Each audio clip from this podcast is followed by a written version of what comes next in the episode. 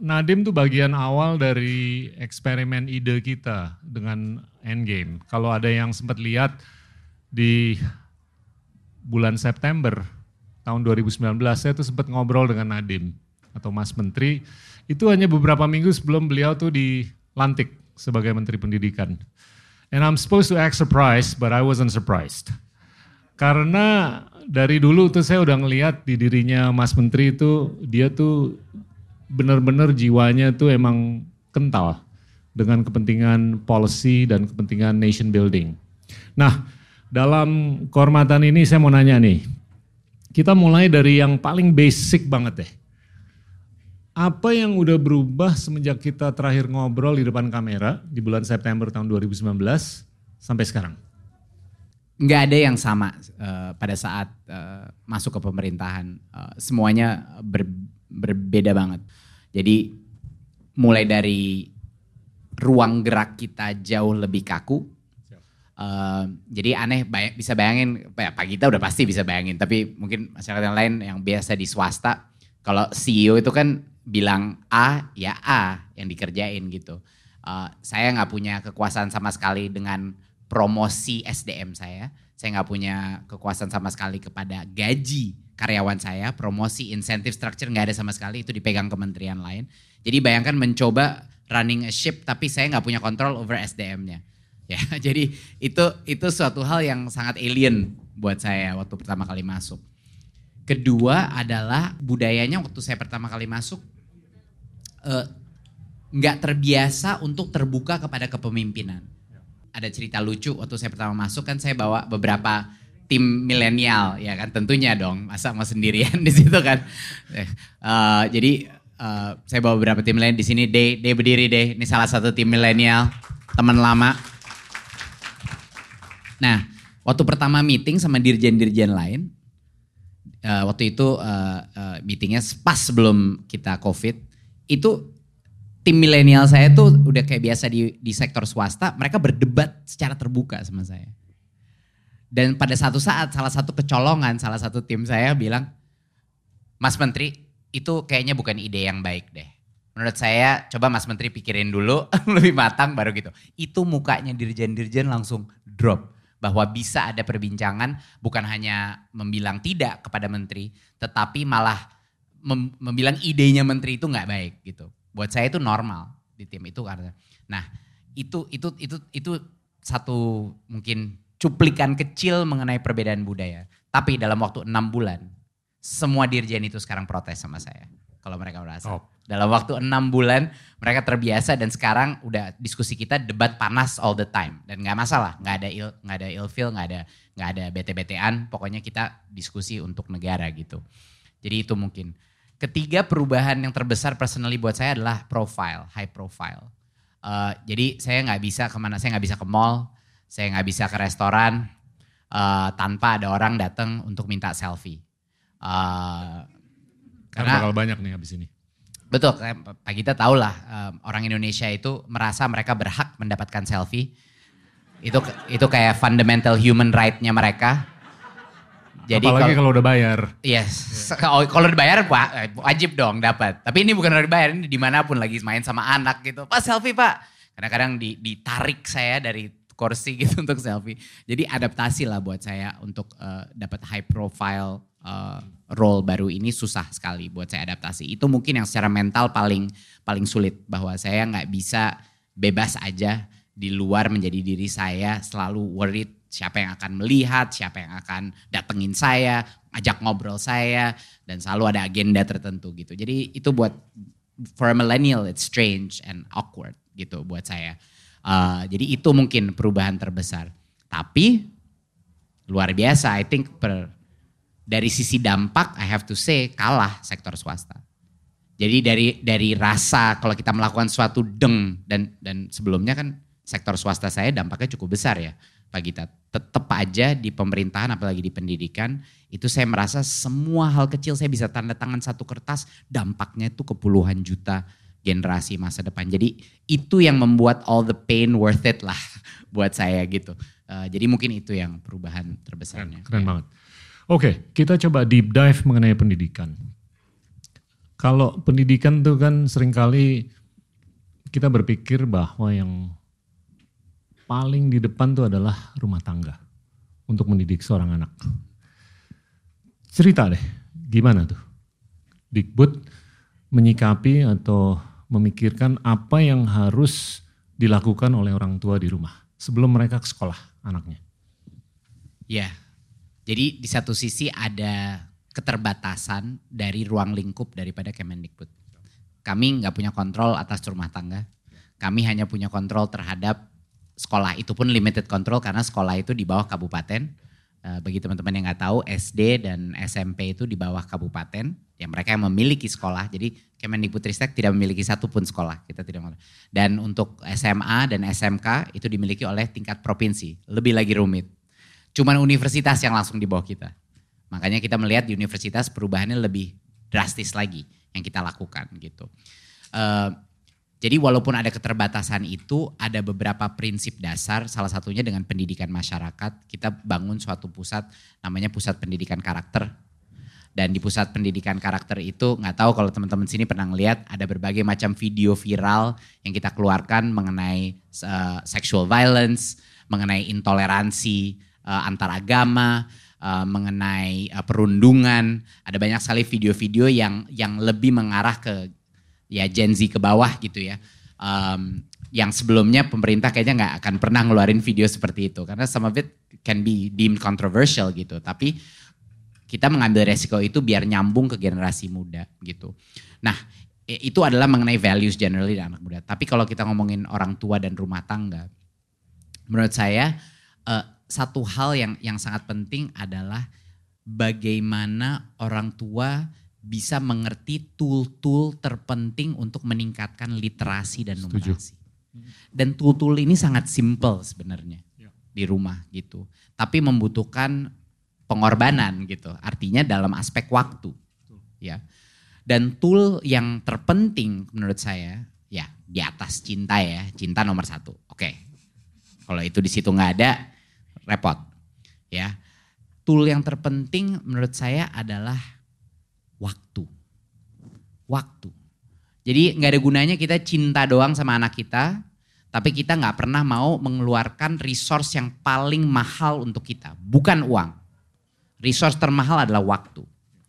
Dan waktu itu baru kita bisa bicara tools-toolsnya. Pak Gita. Jadi ada beberapa tool kunci yang menurut saya ini terutama untuk anak yang lebih kecil ya. Pada saat mereka udah menjadi remaja segala mereka tuh udah jadi kayak manusia. Jadi mereka udah bisa nyari-nyari ke mana-mana lagi. Ag agak dampak kita kepada anak itu semakin kecil, semakin dia tua gitu. Jadinya apalagi di lima tahun pertama, 10 tahun pertama, menurut saya tools yang paling efektif dari awal early childhood adalah buku ini the power of buku dan membacakan buku kepada anak-anak kita itu kayak magic. Bener-bener magic. Jangan tanya saya kenapa, it just works gitu. Nggak usah ada berbagai macam eksplanasi pedagogi, science, psychology mengenai kenapa. Pokoknya kalau Anda bacain buku kepada anak secara reguler, daya tangkap literasi dia, kemampuan critical thinking dia akan meningkat. Itu yang pertama, bacain buku. Kedua, diskusi. Ya, jadi something so simple. Gini aja deh, saya, saya pernah sering sekali berbicara sama orang tua, dampak terbesar pada saat dia menentukan waktu makan nggak boleh ada iPad, nggak boleh ada gadget. Waktu makan adalah duduk bersama anak, ya pilih sekali sehari aja, sekali sehari aja kalau bisa, atau sekali dua hari, nggak apa-apa. Kalau sibuk mungkin nggak bisa, tapi decide mau berapa regular apa uh, cadence-nya duduk dan berbicara. Dan berbicara itu bukan satu arah. Banyak sekali orang tua mengira berbicara adalah saya mau memberikan moral message kepada anak-anak saya. Ini ajaran loh, dek, ini harus begini, harus begini. Itu bukan ngomong namanya. Itu bukan diskusi. Itu namanya menggurui. Sama dampaknya kayak mahasiswa yang di di apa di uh, lecture aja sama dosen terus diambil exam at the end. Dampaknya akan sangat minim.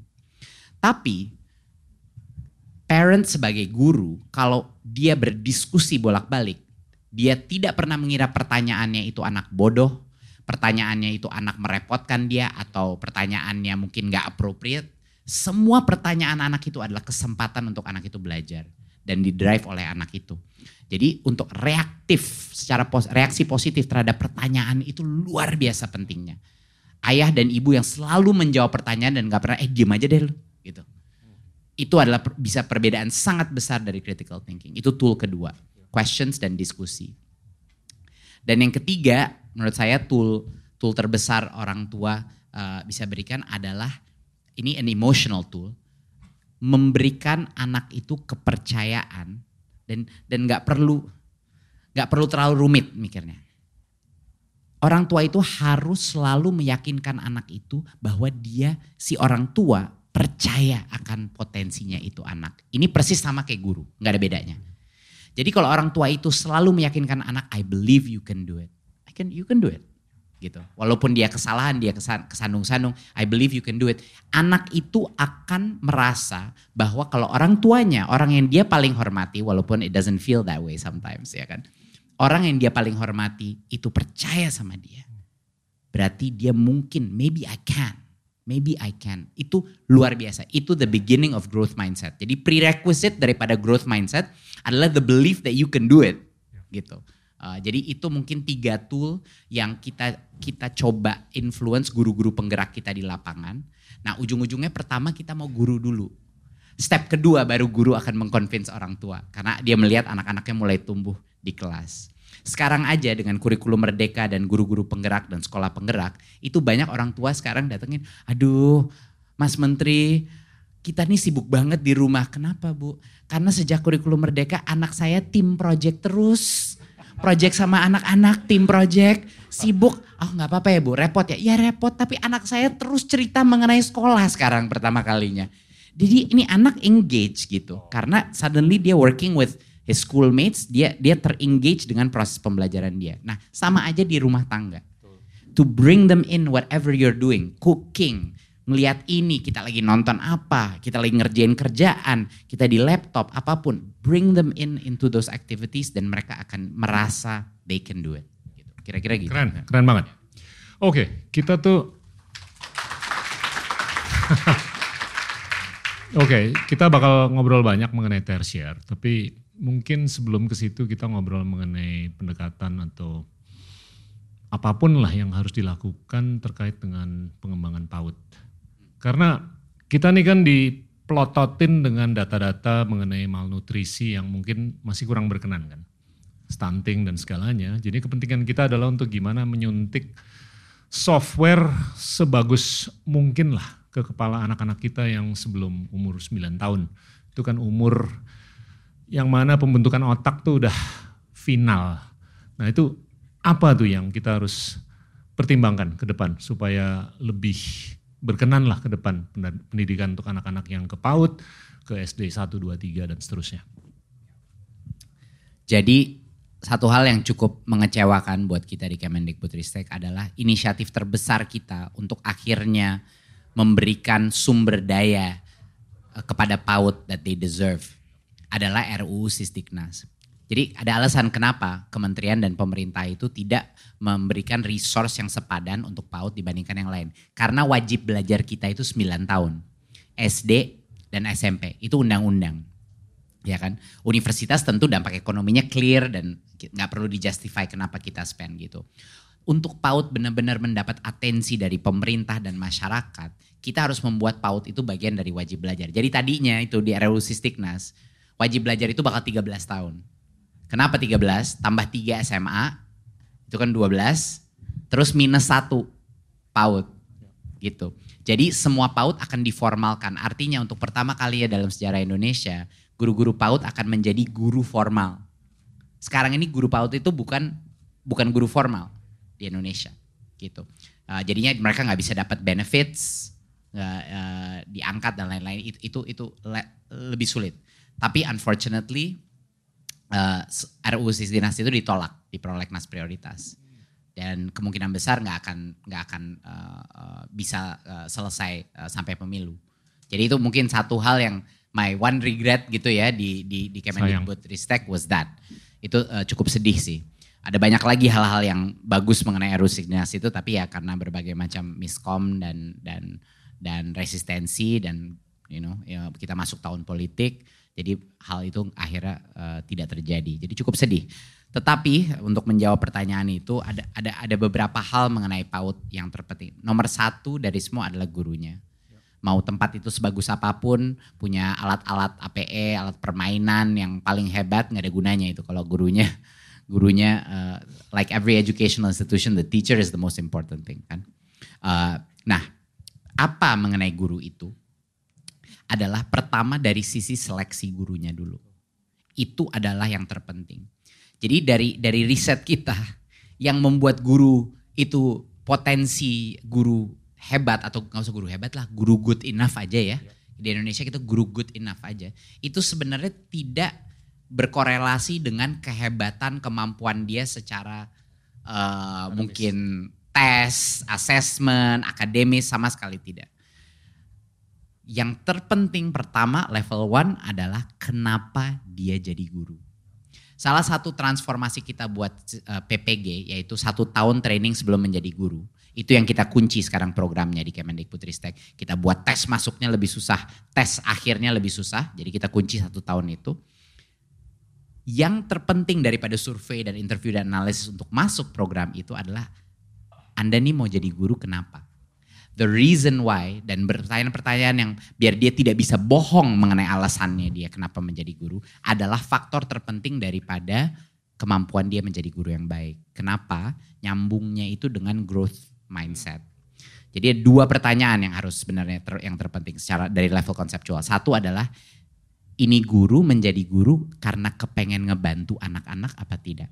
Jadi yang pertama adalah orientasinya kepada anak.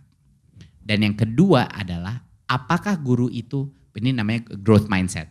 Guru itu percaya nggak bahwa dia sebagai guru bisa terus menjadi lebih baik, dan otomatis guru yang percaya dirinya bisa lebih baik, itu biasanya dia merasa semua muridnya dia juga potensi bisa menjadi lebih baik. Jadi growth mindset itu menular. Kalau dia percaya dirinya bisa jadi lebih baik, dia akan mencari informasi, menggali knowledge untuk menjadi lebih baik. Dan sama juga dengan bagaimana dia treat anak-anaknya dia. Anak-anaknya juga dia akan percaya potensi setiap. Saya nggak peduli guru itu kualifikasinya S3 dari sekolah terhebat di dunia. Kalau dia tidak percaya sama potensi setiap anak di situ, termasuk anak-anak yang paling struggling dalam kelas, itu guru buruk. Itu yang namanya guru buruk. Guru yang menyerah atas potensi setiap anaknya. The best teachers are the ones that spend the most time dengan yang paling struggling. Karena dia percaya potensinya mereka untuk succeed. Jadi itu satu. Kedua adalah dari sisi PAUD, filsafat proses pembelajarannya. Jadi anak apalagi di PAUD, mereka belajar paling efektif dengan bermain.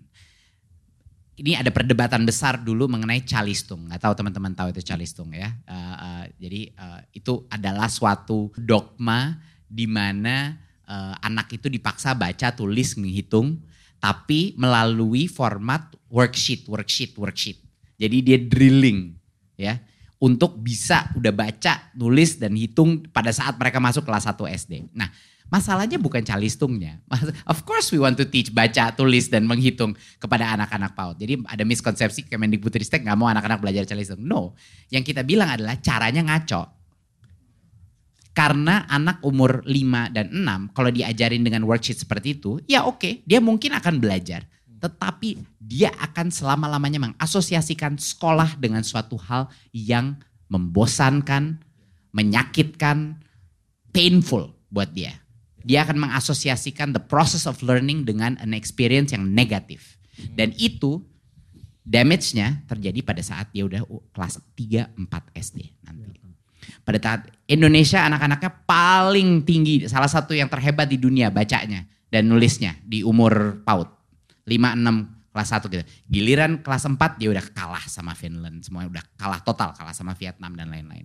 Kenapa? Karena that leap itu terlalu besar karena kita dealingnya terlalu cepat di awal. Bukan terlalu cepat dengan format yang tidak menyenangkan. Jadi kita the basic philosophy adalah sekolah itu harus menyenangkan. Dan kita mengambil pembelajaran di PAUD itu Pak Gita. Dan kita ingin mentransfer itu ke SD, SMP, dan SMA juga. That's what we want to do. Betul. Gitu. Sekolah harus menyenangkan karena kalau tidak anak itu apa yang anak pelajari di sekolah dari sisi konten Pak Gita, Hmm. itu tidak akan punya dampak meaningful terhadap karir dia apa. Everybody here tahu tahu setelah selesai S1 masuk ke kerjaan you start over again. You belajar all over again. Itu nggak ada. Semua anak di bawah umur 35 udah tahu ini gitu loh. Jadi so weird kenapa kita harus menjelaskan kampus merdeka kepada orang gitu.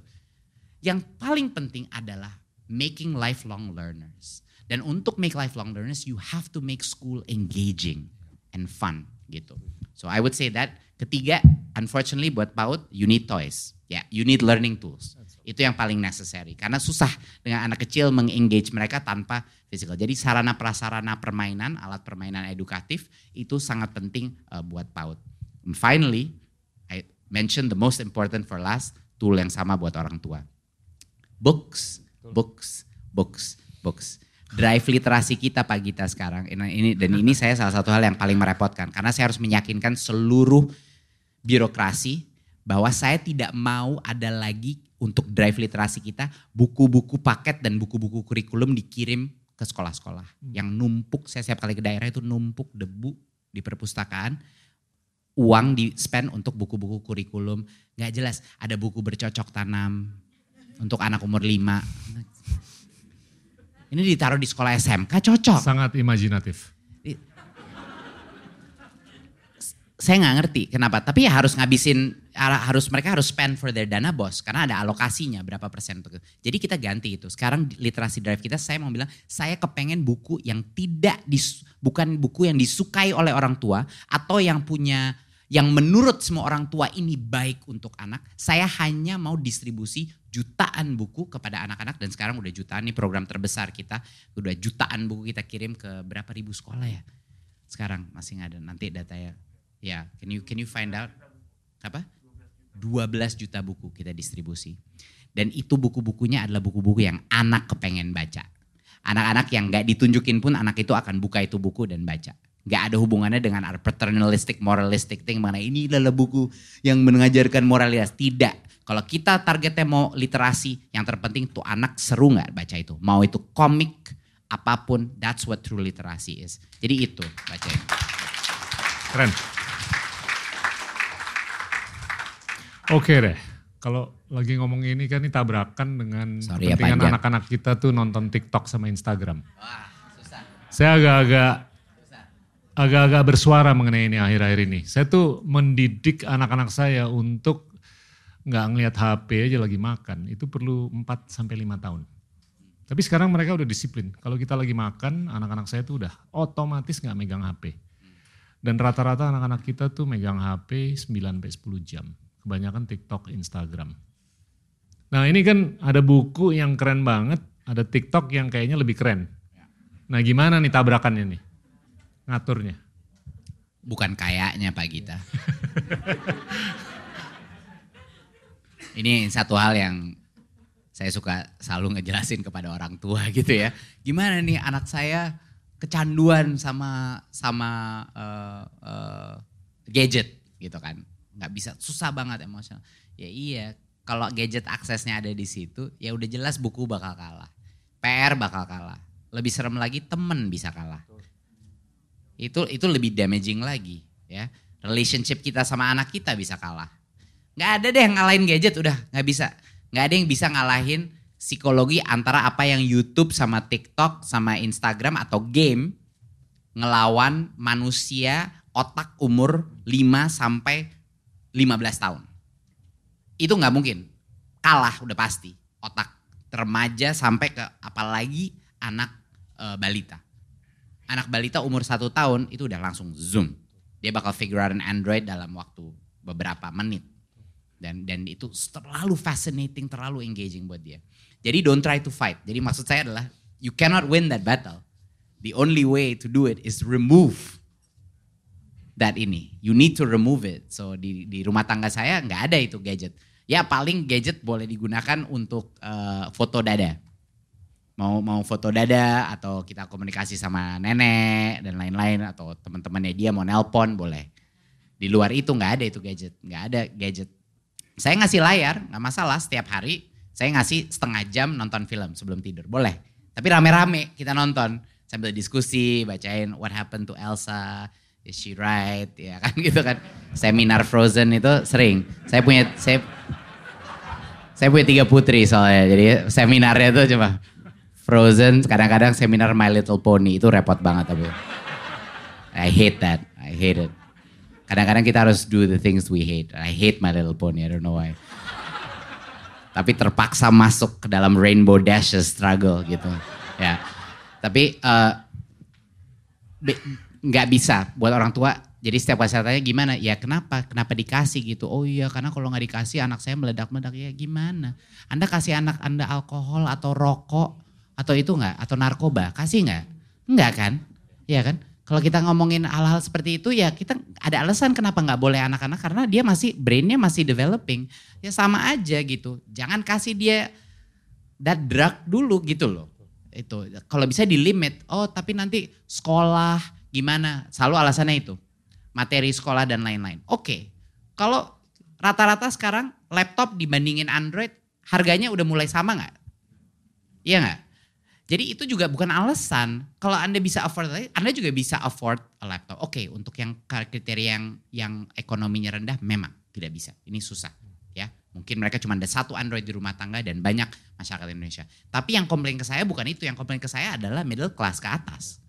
Gitu mengenai ketagihan ini. Jadi menurut saya at the end of the day kalau orang tuanya udah ketagihan sama gadget susah juga anak dia concern. Jadi saya selalu selalu throw mirror gitu. Tapi ibu bapaknya dimakan saat makan malam on the gadget nggak langsung diem gitu kan. Jadi susah kalau satu keluarga ketagihan it's hard. Tapi you have to remove that element. You have to remove it.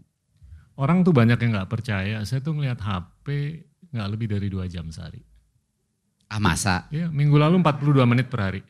Amazing. Iya. Saya tuh ngedisiplinin diri untuk lebih banyak baca buku, jurnal dan lain-lain. Saya udah nggak baca koran lagi, udah nggak ngeliat news di TV. Bisa sebetulnya, tapi nggak tahu gimana saya nggak tega sama anak, iya kan? Dan ini kalau menurut saya perlu dikeroyokin dari sisi rumah tangga, ya policy maker, politikus, dan civil society secara keseluruhan ya. untuk kebaikan kita ke depan. Dan oke okay deh, kita maju karena kalau ngomongin TikTok nih banyak yang marah. uh, PISA, ya kan? Ini kan salah satu ukuran. Kapan sih kita tuh bisa sama dengan Vietnam sebelum kita sama dengan Singapura? Ukuran penguasaan bahasa dan STEM untuk anak-anak umur 15 tahun. Skor kita kan masih kurang dibandingkan Singapura, dibandingkan Tiongkok dan lain-lain. Ada nggak roadmap gitu loh? Apakah ini relevan? Kalau anggaplah ini semi-semi relevan, roadmapnya ke depan gimana nih untuk kita benar-benar bisa merangkak dan syukur-syukur nyalip? Ya, yeah. uh, that's a great question. Uh, yang pertama adalah kita nggak bisa nyalip tanpa ekonominya GDP per kapitanya mendampingi. Jadi nggak ada tuh, nggak ada tuh negara negara miskin yang punya sistem pendidikan hebat itu nggak ada di dunia. Jadi semua tuh uh, sama GDP per kapita korelasinya sangat tinggi.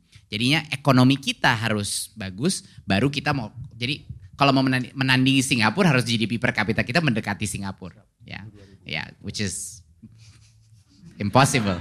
ya kan? Doa ya. aja, doa sama bakar lilin. jadi jadi forget that gitu. Yeah. Tapi kalau kita melihat kayak kota-kota di Indonesia itu menyamai beberapa kota-kota di Eropa. Kalau kita ngelihat PISA skornya Jakarta dan Jogja itu sama dengan beberapa kota-kota mungkin kota kecil ya di di Eropa gitu. Jadi kita jangan salah eh, bukannya masalahnya distribusinya, tapi semuanya again linknya kenapa kota ekonomi. Ekonomi. Oke. Jadi pertama itu ada kafeatnya. Jadi kita harus bandingin diri kita dengan negara-negara yang GDP per kapitanya sama. Itu kita dalam liga itu. Gitu. Pas kita di situ, sekarang pertanyaannya adalah bagaimana kita meningkatkan angka ini. Semua yang mau kita lakukan dan dan tadi Pak Gita nanya is it important? Yes. Sangat penting. Itu alasannya kenapa kita merubah yang namanya ujian nasional kita hilangkan dan kita gantikan dengan asesmen nasional. Asesmen nasional itu sangat similar dengan PISA karena itu fokus kepada asesmen numerasi dan literasi.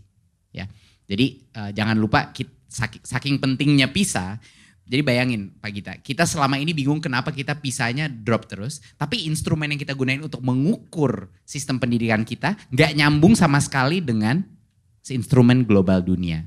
Jadi kita salah satu negara pertama yang nyambung sekarang dengan standar dunia.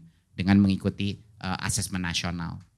Dan what's cool adalah kita negara pertama yang memasukkan survei karakter secara nasional di mana intoleransi, sexual violence dan perundungan itu masuk dalam national assessment. Kita bisa mapping setiap sekolah dan setiap pemerintah. Itu pertama negara pertama yang sampai jadi contoh dari di UN waktu itu.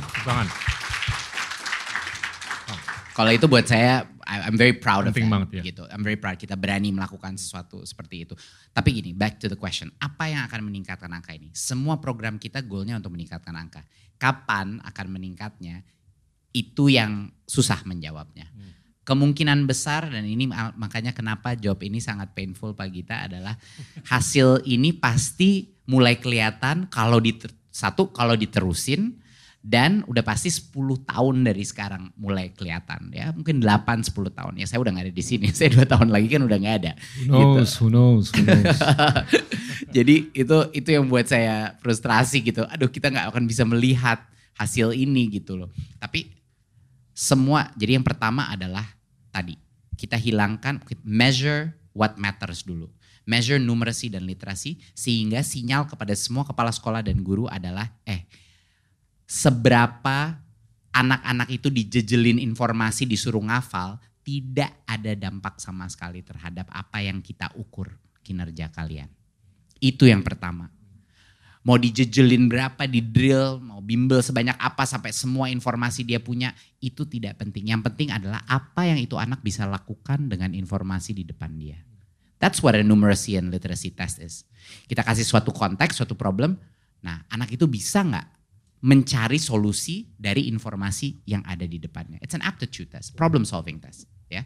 Nah, itu itu sebenarnya message pertama yang benar-benar merubah segala-galanya. Jadi setiap guru di daerah ini sedang belajar apa itu literasi, apa itu numerasi, kebingungan di mana-mana, apa yang namanya, tapi dalam kebingungan itu mereka terpaksa belajar. Oh itu jadi yang prosesnya yang penting toh gitu. Bukan kontennya, cara belajarnya. Cara critical thinking itu tercipta dengan diskusi, dengan bertanya, dengan memberikan berbagai macam permutasi problem. Itu pertama. Kedua, kurikulum merdeka. Ini adalah langsung directly impactnya ke PISA. Karena yang pertama, kurikulum merdeka itu ada tiga big change yang kita lakukan. Yang pertama adalah materi konten di kurikulum kita pangkas 30-35 persen. Kita pangkas.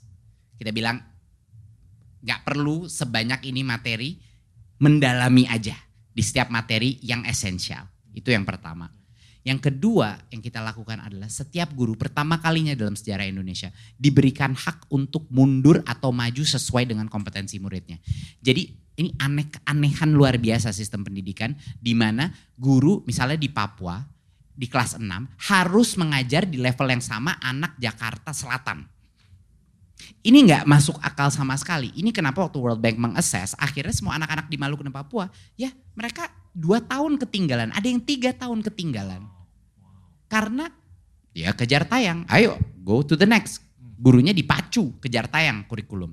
Sekarang di kurikulum Merdeka, guru itu boleh slow down.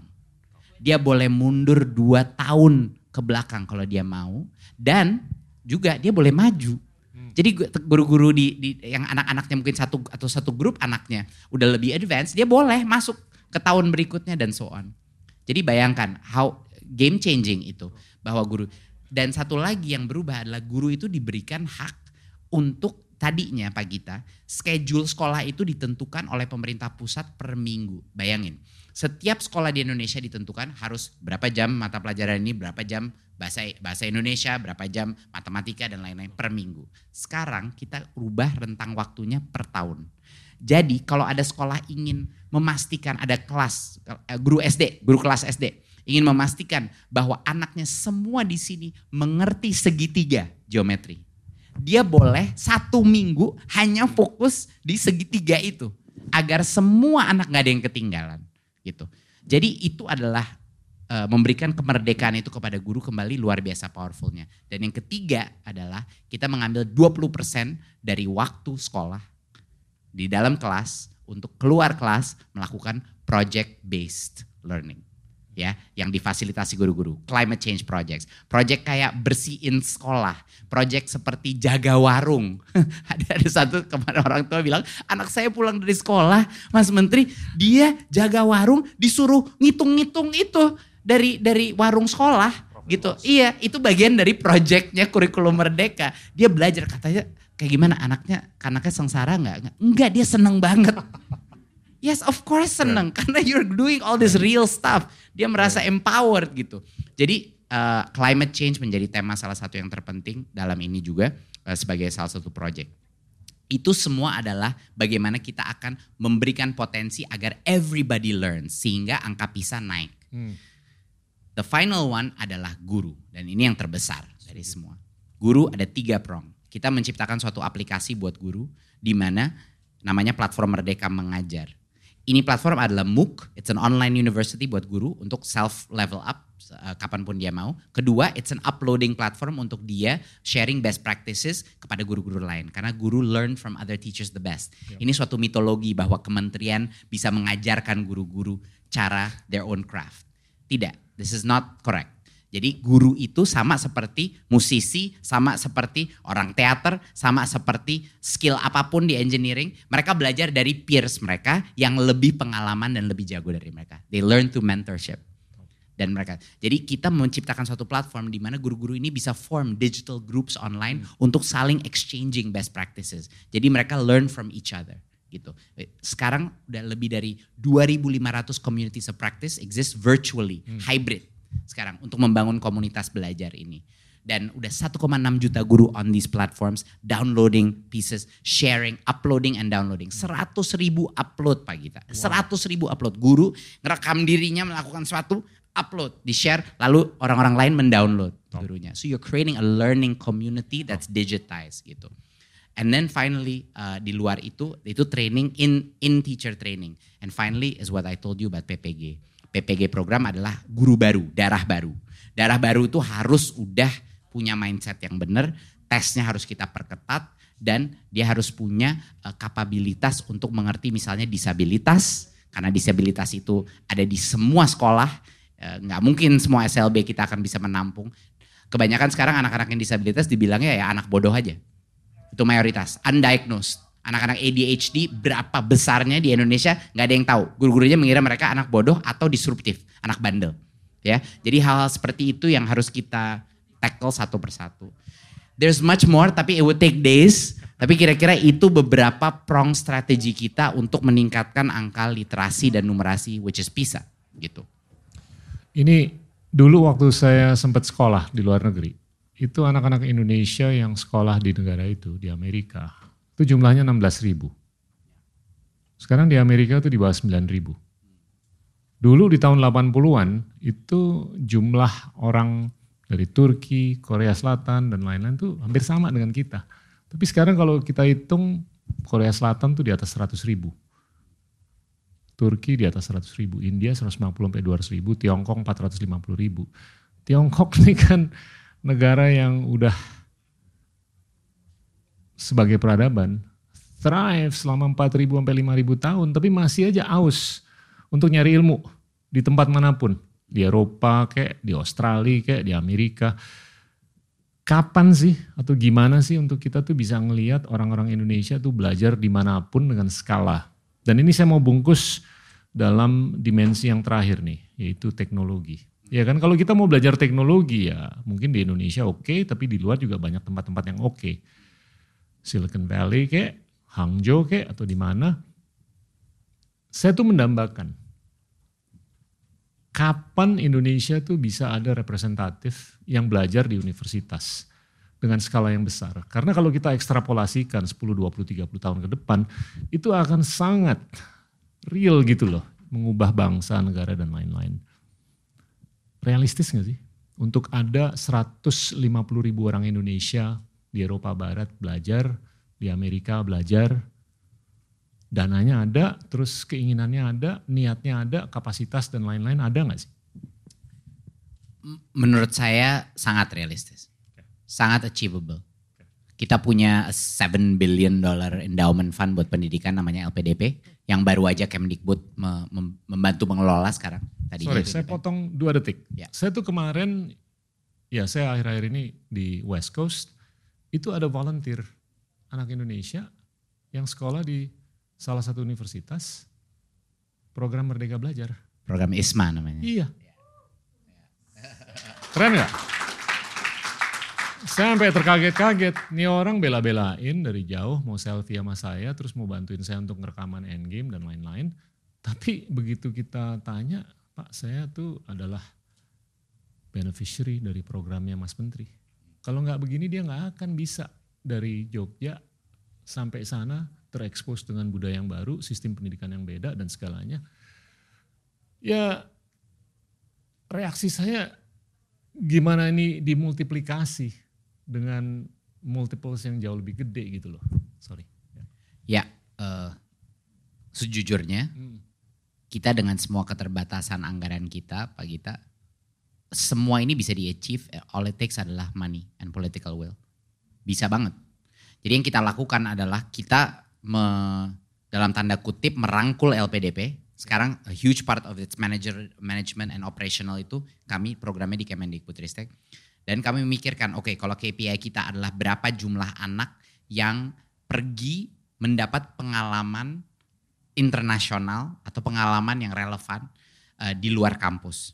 Jadi buat kita simple. Jadi kita bikin namanya program ISMA. Jadi kita bikin dua program. Jadi kan ada dua. Kebanyakan selalu solusinya adalah how do we get uh, kids to get accepted for full degree program di Amerika di Europe. Tapi ini terlalu lama karena satu, nggak banyak yang diterima, selalu di cancel. Jadi threshold untuk masuk full degree program di program-program terhebat kita itu sangat tinggi barriernya. Dan bukan karena kita nggak punya anak-anak hebat. Anak-anak salah satu hal yang kita buktikan kemarin adalah kenapa mereka nggak masuk. Jadi kita mengambil kohort anak-anak SMA yang terbaik gitu. Uh, lalu kita bilang oke, okay, saya akan kasih kamu LPDP scholarship buat S1 kalau kamu ikutin program kita dan kamu apply. Yang tadinya nggak mau apply, akhirnya apply. Itu day naik berapa kali lipat? 8 kali lipat acceptance rate-nya. Dari sebelum, dari rata-rata. Jadi ternyata it's the game of getting into university Pak Gita. Of course it's possible. Tinggal dikasih kita kasih dia coach counseling yang sekarang yang tadinya cuma available buat anak-anak orang kaya. Kita kasih kepada mereka. Ini anak-anak dari daerah dan lain-lain.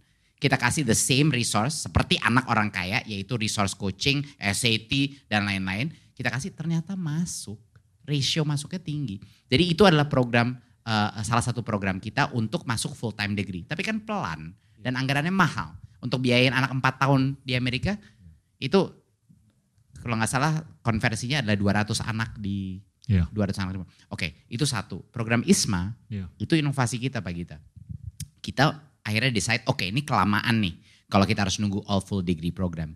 Jadi kita buat program di mana kita break it down into bite size chunks. Satu semester di luar negeri, exchange abroad. Hmm. Karena itu pun dampaknya itu hmm. zero to one-nya itu luar biasa. Zero to one banget. Dari satu semester aja, it transform a life, Dari a perspective. kampung tiba-tiba, yes. gitu. Lebih murah, hmm. lebih accessible, jauh lebih banyak orang yang bisa karena kita kita sekarang bisa scale it up. Itu namanya program ISMA udah 2000 sekarang uh, per tahun kita kirim but all you need is money to scale it up to 5000 10000 so yes over time 150 ribu is very very achievable. By the way allowance yang dikasih oleh Mas Menteri itu cukup untuk traktir saya makan di Amerika kemarin. Wah saya harus cek lagi tuh kayaknya kebanyakan tuh. Enggak enggak di Burger King Burger King Pak Gita bisa aja. Masa ditraktir Pak Gita. Dia kekeh banget mau bayar.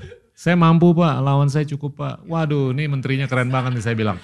Deh, Tapi, deh, kemahalan tuh deh. Kira-kira kurangin dikit, kurangin Burger dikit. King, Burger King bukan steak. Tapi tapi begini nih, saya mau saya mau kupas lebih dalam lagi. Tapi gimana ngebayang nggak sih kalau kita tuh bisa membuat pedoman satu juta anak-anak muda lulusan SMA dibimbelin untuk bisa menguasai bahasa apakah itu Mandarin dalam tiga bulan, bahasa Inggris dalam tiga bulan, habis itu dibimbelin untuk belajar SAT, GMAT, GRE tiga bulan ke empat bulan, terus dibimbelin untuk ngambil Olimpiade. Saya tuh baru ngomong sama teman-teman. Itu, itu, itu you just describe our program. Oke, okay, thank you, thank you, thank you. Tapi satu Tapi juta. masih skala kecil. Oh iya, satu juta jebol Iya, anggaran, kalau- iya, makanya. jebol. ya ini nih agak-agak gila lah, mikir-mikir gila dikit. Iya. Tapi gimana untuk kita bisa ngelihat ada 150 ribu orang di Jerman, 150 ribu orang di Hangzhou, 150 ribu orang di Amerika Serikat, mungkin 75 ribu di Australia. Pokoknya tempat mana pun supaya kita tuh bisa lebih keren gitu loh. Tapi saya boleh challenge nggak, Ah, Pak Gita? Enggak, ini, ini justru wawancara bukan debat. Oh enggak. Kalau saya satu satu hal yang saya kepengen sedikit challenge adalah, oke, universitas asing hebat-hebat are great. Ya. Tapi sekarang di Indonesia 420 ribu sejak kampus Merdeka 420 ribu mahasiswa sudah meninggalkan kampusnya untuk mengerjakan suatu hal di luar kampus. Whether it's pro- produk ISMA atau dia masuk suatu teknologi, dia masuk unicorn, dia masuk teknologi training di industri, atau dia mengajar di satu SD di daerah satu semester dan lain-lain. Jadi ada yang non-profit, ada yang industri dan lain. Nah sekarang coba kita bandingkan apples to apples. Prospek ke depan, value antara oke kita ngambil top, pick a top school Pak Gita. Saya nggak mau mention biar nanti dimarahin orang-orang. Pick a school, your school. Takut dilempar. Oke Stanford lah ya. Oke Oke, Oxford, Oxford. Oxford, oke. Pikir satu semester, oke. Sekarang bayangin satu semester di Oxford. Amazing program. PPE misalnya, Politics, Philosophy, and Economics. Ya. Atau, uh, eh bukan, uh, maybe maybe they're biotech engineering. Sekarang bayangkan, perbandingkan itu dengan anak ini satu semester kerja di salah satu multinational biotech di sini, sedang mengerjakan program uh, uh, vaksin mRNA research di sini. Itu bisa sekarang dengan kampus Merdeka bandingin belajar MIT Computer Science versus satu semester di Traveloka bootcamp Oh. engineering. Jadi mana nih? Jadi nggak tahu, I don't know the answer. Tetapi I'm thinking kenapa kita melakukan ini MSIB, magang uh, magang bersertifikat dan studi independen, semua program-program. Kenapa kita membuat seluruh korporasi kelas dunia menjadi accredited university selama satu semester? Adalah kita punya insting Pak Gita bahwa ini terlalu pelan nih. Kalau kita coba melakukan transformasi, kita nunggu semua universitas bertransformasi terlalu pelan. Kita harus membuat undergraduate experience itu universitas itu memfasilitasi dan mengkurasi multi-sectoral experience sebelum dia lulus. Biar itu anak keluar sekarang bayangin ada anak-anak yang lulus Pak Gita sekarang. Dia sudah mengajar di daerah kepulauan di Maluku selama satu semester sendiri. Setelah itu program keduanya dia, dia ngikutin program bangkit Google. di mana dia belajar data science real project. Semester ketiganya dia mau ngambil entrepreneurial study independent. Di mana dari hasil Google bangkitnya dia, dia bikin bisnis sendiri. That's a super student. Dia keluar dari itu dibandingin kalau dia cuma 8 semester di prodi dengan semua engineering backgroundnya dia yang dia belajar dari dosen-dosen. Itu semua combine dia jadi superhuman, dia jadi really buff gitu keluar. Kelihatan pada anak-anak lulusan ini MSIB itu diambil sama industri jauh lebih cepat. Kayak dalam waktu satu bulan diambil. Gajinya sampai 2 sampai 3 kali dari rata-rata nasional. Jadi for me it's too slow. Kenapa kampus Merdeka kita lakuin? We need to leap. Karena saya udah capek banget Pak Gita ke Indonesia ngejar ketertinggalan terus. Udah capek itu narasi itu. Gitu loh. I wanna be the leader once in a while gitu loh. Itu aja sih. Jangan jangan Iya. jadi potensi aja. Iya. Top, top. Enggak, enggak. Saya, saya dan kita semua enggak mempertanyakan directionnya. Kita hanya gemes saja. Kenapa enggak skalanya ditingkatkan, kecepatannya ditingkatkan. Itu aja. Ya kan? I, I think you're completely on the right path. Oke, baring beberapa hal yang mungkin perlu disempurnakan, tapi directional ini udah oke banget. Tapi saya tuh pengen banget. Satu hal yang saya secara vokasi ya, anda tuh produk dari kesempatan atau peluang untuk bisa berkomunikasi dalam bahasa internasional.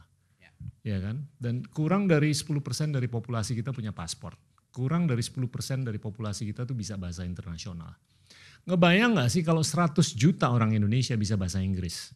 100 juta orang Indonesia bisa bahasa Mandarin. 100 juta orang Udah Indonesia game over itu. game over. Udah game over. Kalau Jadinya Indonesia kalau kita berhadapan sama orang India selesai. Mereka jago ngecap kayak apa tapi kita ngecap balik. Orang Singapura jago ngecap kayak apa kita kecap balik. Iya kan? Itu saya ngelihat dengan mata kepala sendiri gimana ada seorang bapak-bapak, ibu-ibu atau anak dalam 2-3 bulan yang tadinya nggak bisa bahasa Inggris, dalam dua bulan bisa bahasa Inggris, dapat kerjaan di sebagai concierge di Hotel Bintang 3 di Indonesia bagian timur. Satu, dia bisa naruh makanan di atas meja untuk enam anggota keluarganya. Dua-dua, eh, yang kedua dia mikir dia udah jadi kayak Kapten Amerika. Dia udah bisa terbang.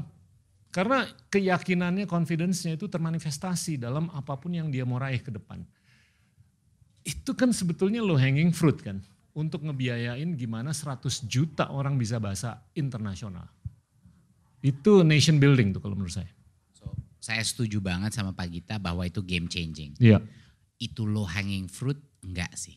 Enggak gampang. Karena kita sedang mengerjakan itu Pak Gita. Kita oh. sedang merancang desain, kita sedang merancang program gimana. Tadi kita memikirkan apa ada beberapa opsi. Apa kita mandatkan bahasa Inggris itu wajib di SD karena sekarang kan wajibnya baru di SMP SMA. Oke, okay, maybe that's one option.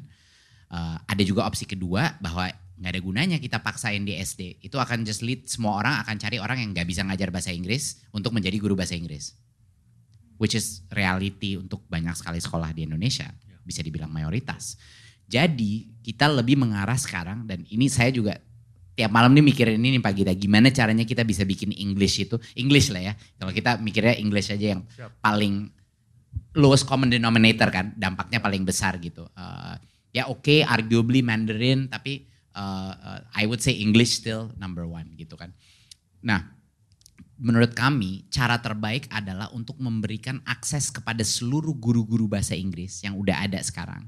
Kesempatan untuk belajar dari native or semi-native speakers dan untuk mereka benar-benar kita tingkatkan kemampuannya. Itu lebih scalable menurut kita daripada memaksa semua anak atau membayar bimbel. Jadi return on investment dari menjadikan suatu guru bahasa Inggris yang udah ada di sekolah menjadi dia dua kali lebih hebat sebagai guru itu dampaknya kepada anak-anak dan generasi berikutnya jauh lebih besar. Jadi the the leverage dari me, me, me, melatih guru itu lebih tinggi over time. Jadi uang kita kita kepengen spend di situ.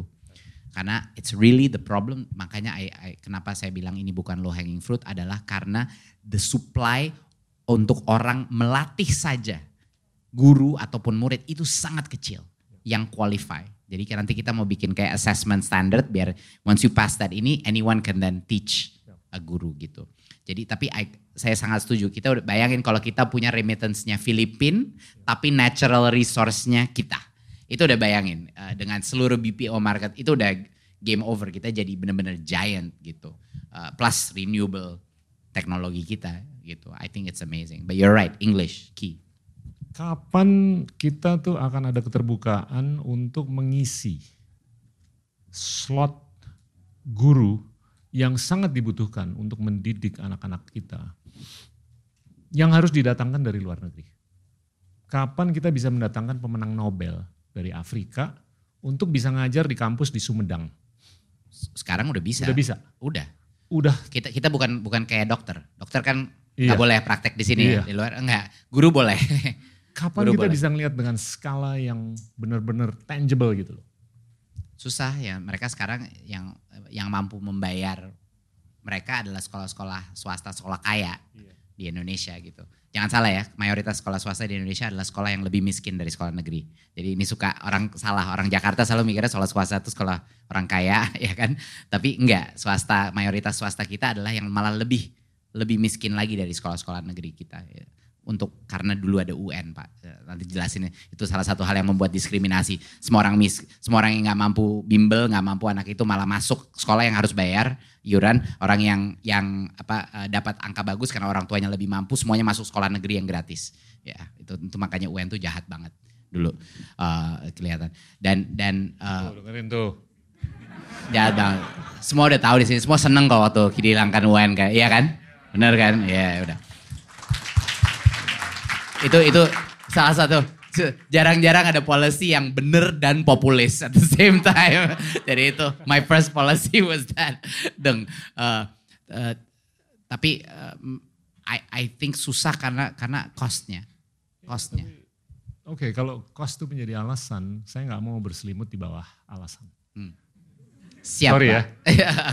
Boleh dong agak-agak ini dikit. Tapi ya kita harus result oriented kan.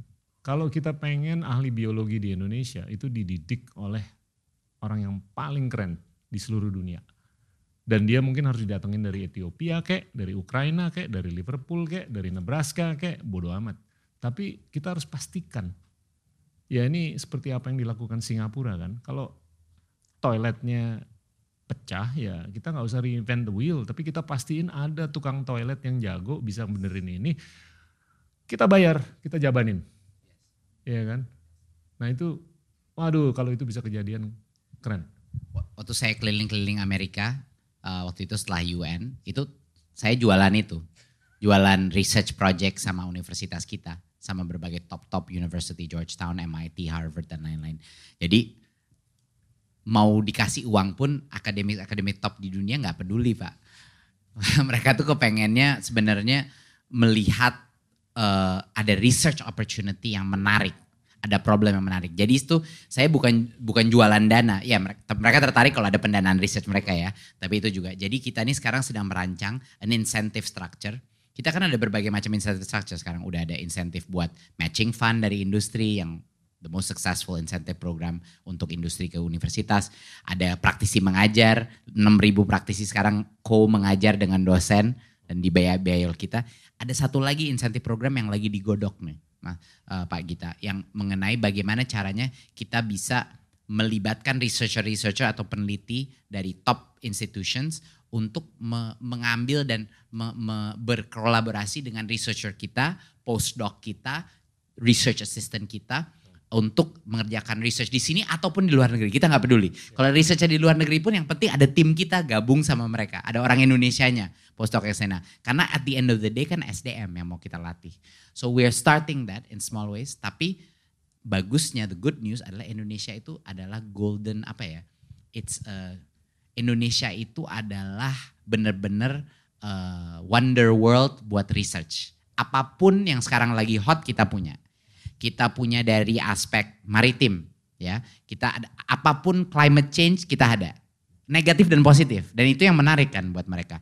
Kita punya rainforest, kita punya kehilangan rainforest, kita punya largest biodiversity underwater, kita punya coral bleaching, kita punya uh, masalah demografi, kita punya dampak of climate change yang bisa mewakili berbagai macam ekosistem, kita punya pokoknya semuanya ada deh di sini yang bisa dibuatkan research. Jadi itu saya jualan tuh ke luar negeri buat buat membawa mereka interest mereka ke Indonesia. Tapi ya growing baru mulai sekarang interest sekarang university university ada Monash mau setup di sini Kemarin kita ngomong dengan yang lain, saya nggak boleh sebut siapa, tapi sejak Monash masuk itu ngantre loh sekarang, ngantre. Giliran yang pertama masuk dulu, dilihat dulu kan, ini orang cedera nggak, ya kan? Yang pertama, tapi lihat oke okay, Monash doing oke, okay, oke okay, yang lain baru keluar akhirnya gitu. Pertama kali loh kita punya foreign university di Indonesia. Isn't that ridiculous? Baru pertama kali Monash. Good. Enggak, oh. tapi kenapa nggak before gitu yeah. loh? Ya, because Gak ada satu pun. Pokoknya kita berdoa supaya Nadine tetap ada di Dikbud. Ya kan? Tapi ini waktunya masih ada kan? Gimana panitia? Masih oke? Okay? Sampai jam 9? Oke. Okay. Nggak, nggak, ini banyak. Tapi gini, saya mau coba gini loh.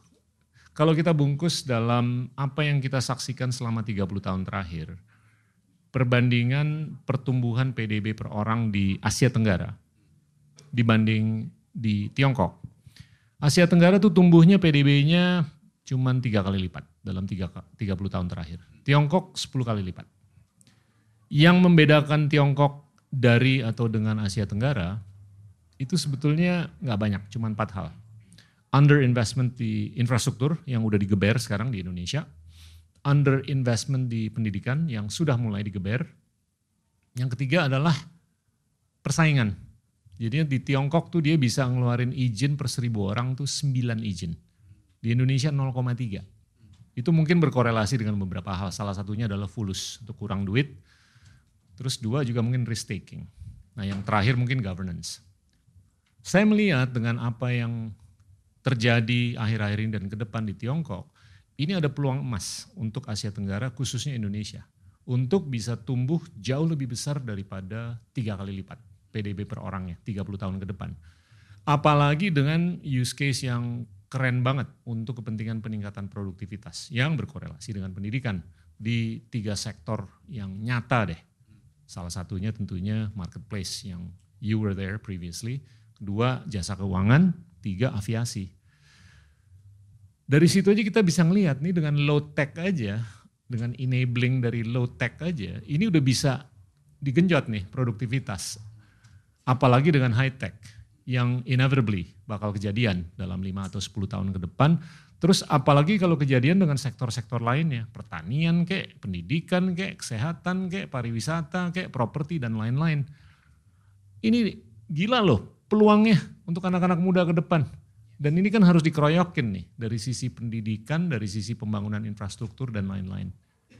Gimana nih endgame ke 2045? Anggaplah 2045 itu kan 23 tahun dari sekarang, GDP per kapita kita mestinya naiknya jauh lebih gede daripada tiga kali lipat. Hmm. Nah ini kalau menurut saya kuncinya ini pendidikan. Yang lainnya penting tapi nggak sepenting pendidikan. Hmm. Boleh jujur nggak? Menurut saya pendidikan salah satu yang terpenting. Oke. Okay. Kalau dibilang paling penting, menurut saya agak susah. Karena pendidikan sama derajatnya dengan berbagai macam kebijakan lain yang akan melepaskan. Jadi misalnya gini, kalau kita punya policy uh, ekonomi atau industri yang luar biasa friendly-nya, yang mengundang investasi sebanyak mungkin, fleksibilitas di labor market kita dan lain-lain.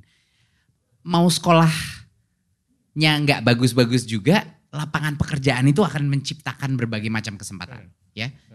Tapi sama juga, kalau itu semuanya tumbuh tapi sekolahnya tidak menimbulkan talenta itu, dia bakal ya import akhirnya talenta dari luar gitu kan yang akan terjadi. Jadi bukannya saya nggak mau membilang bahwa pendidikan adalah yang terpenting. Saya bilang ini terlalu lagi merendah banyak, hati nih. Terlalu banyak kodependensi lainnya ya. kepada proses itu. Oke. Tapi pendidikan salah satu yang terpenting menurut saya. Satu hal yang harus diingat selalu dalam pendidikan adalah tidak bisa kita membuat sistem pendidikan yang hebat tapi ekonominya nggak jemput bola.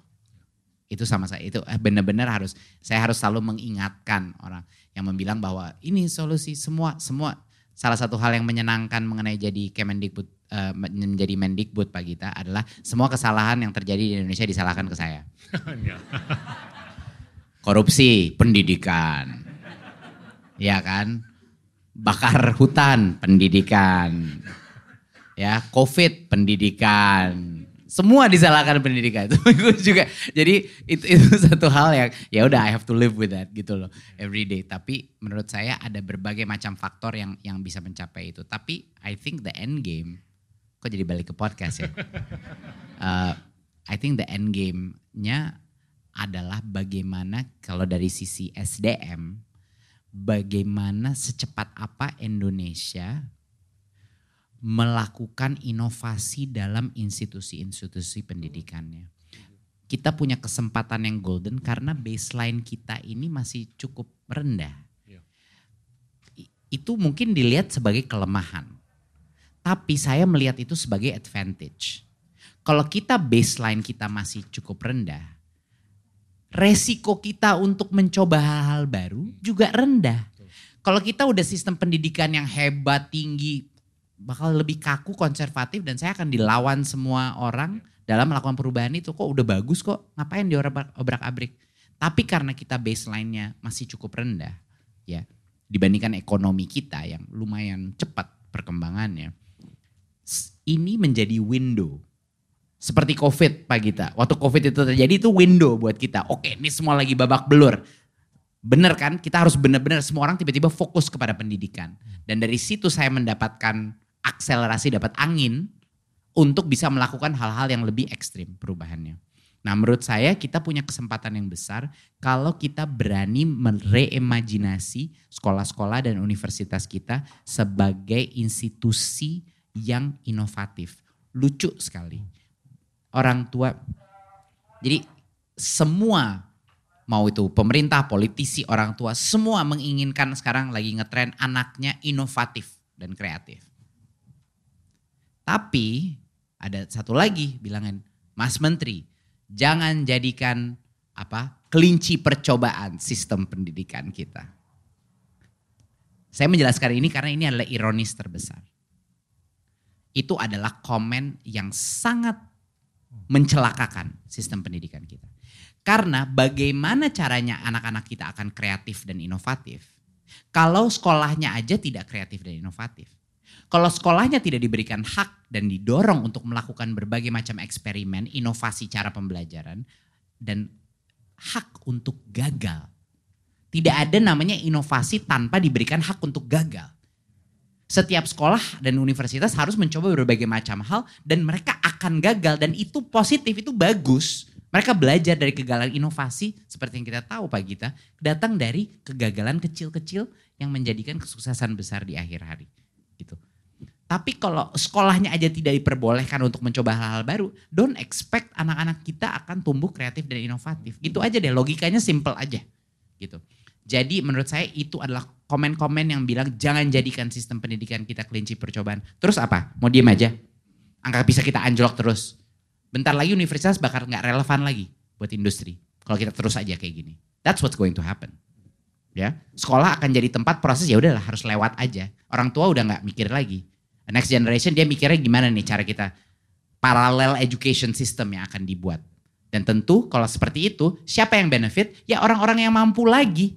Orang-orang yang udah terbantu.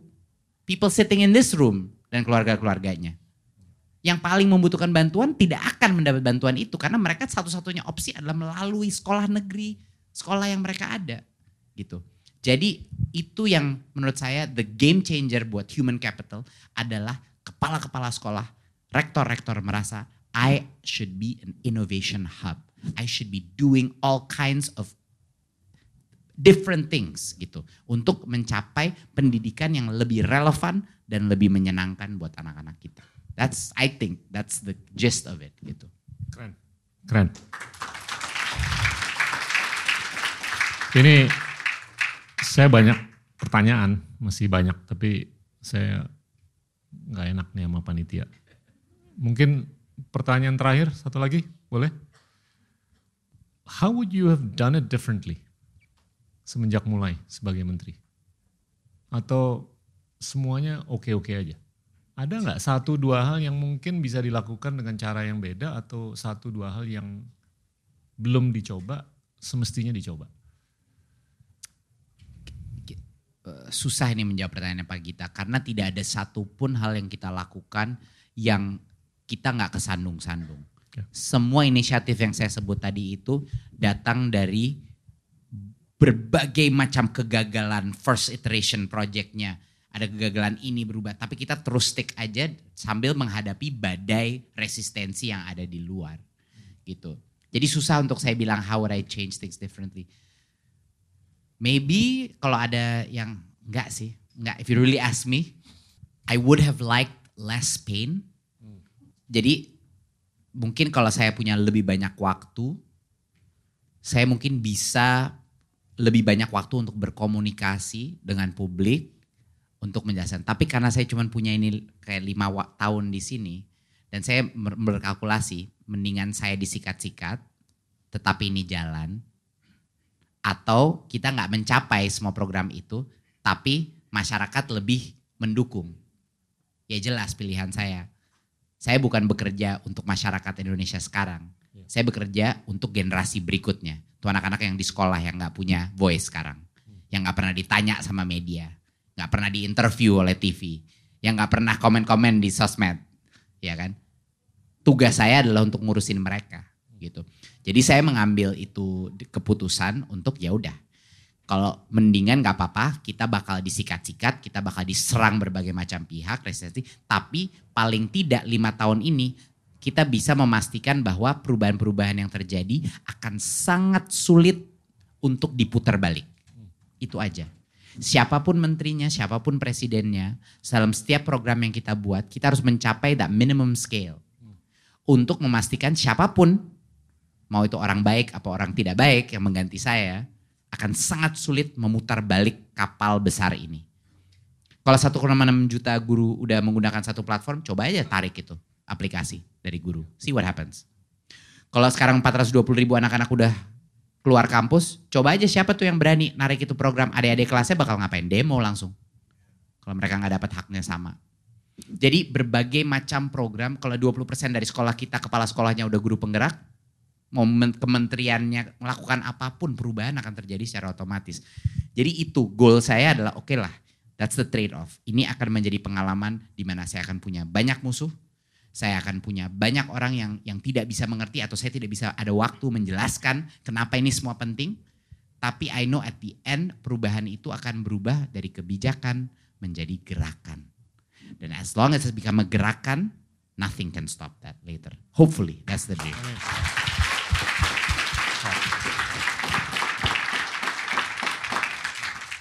Keren, as always. Terima kasih banyak Mas Menteri atas kesempatan Mas ini. Ya, tepuk tangan. Inilah Endgame.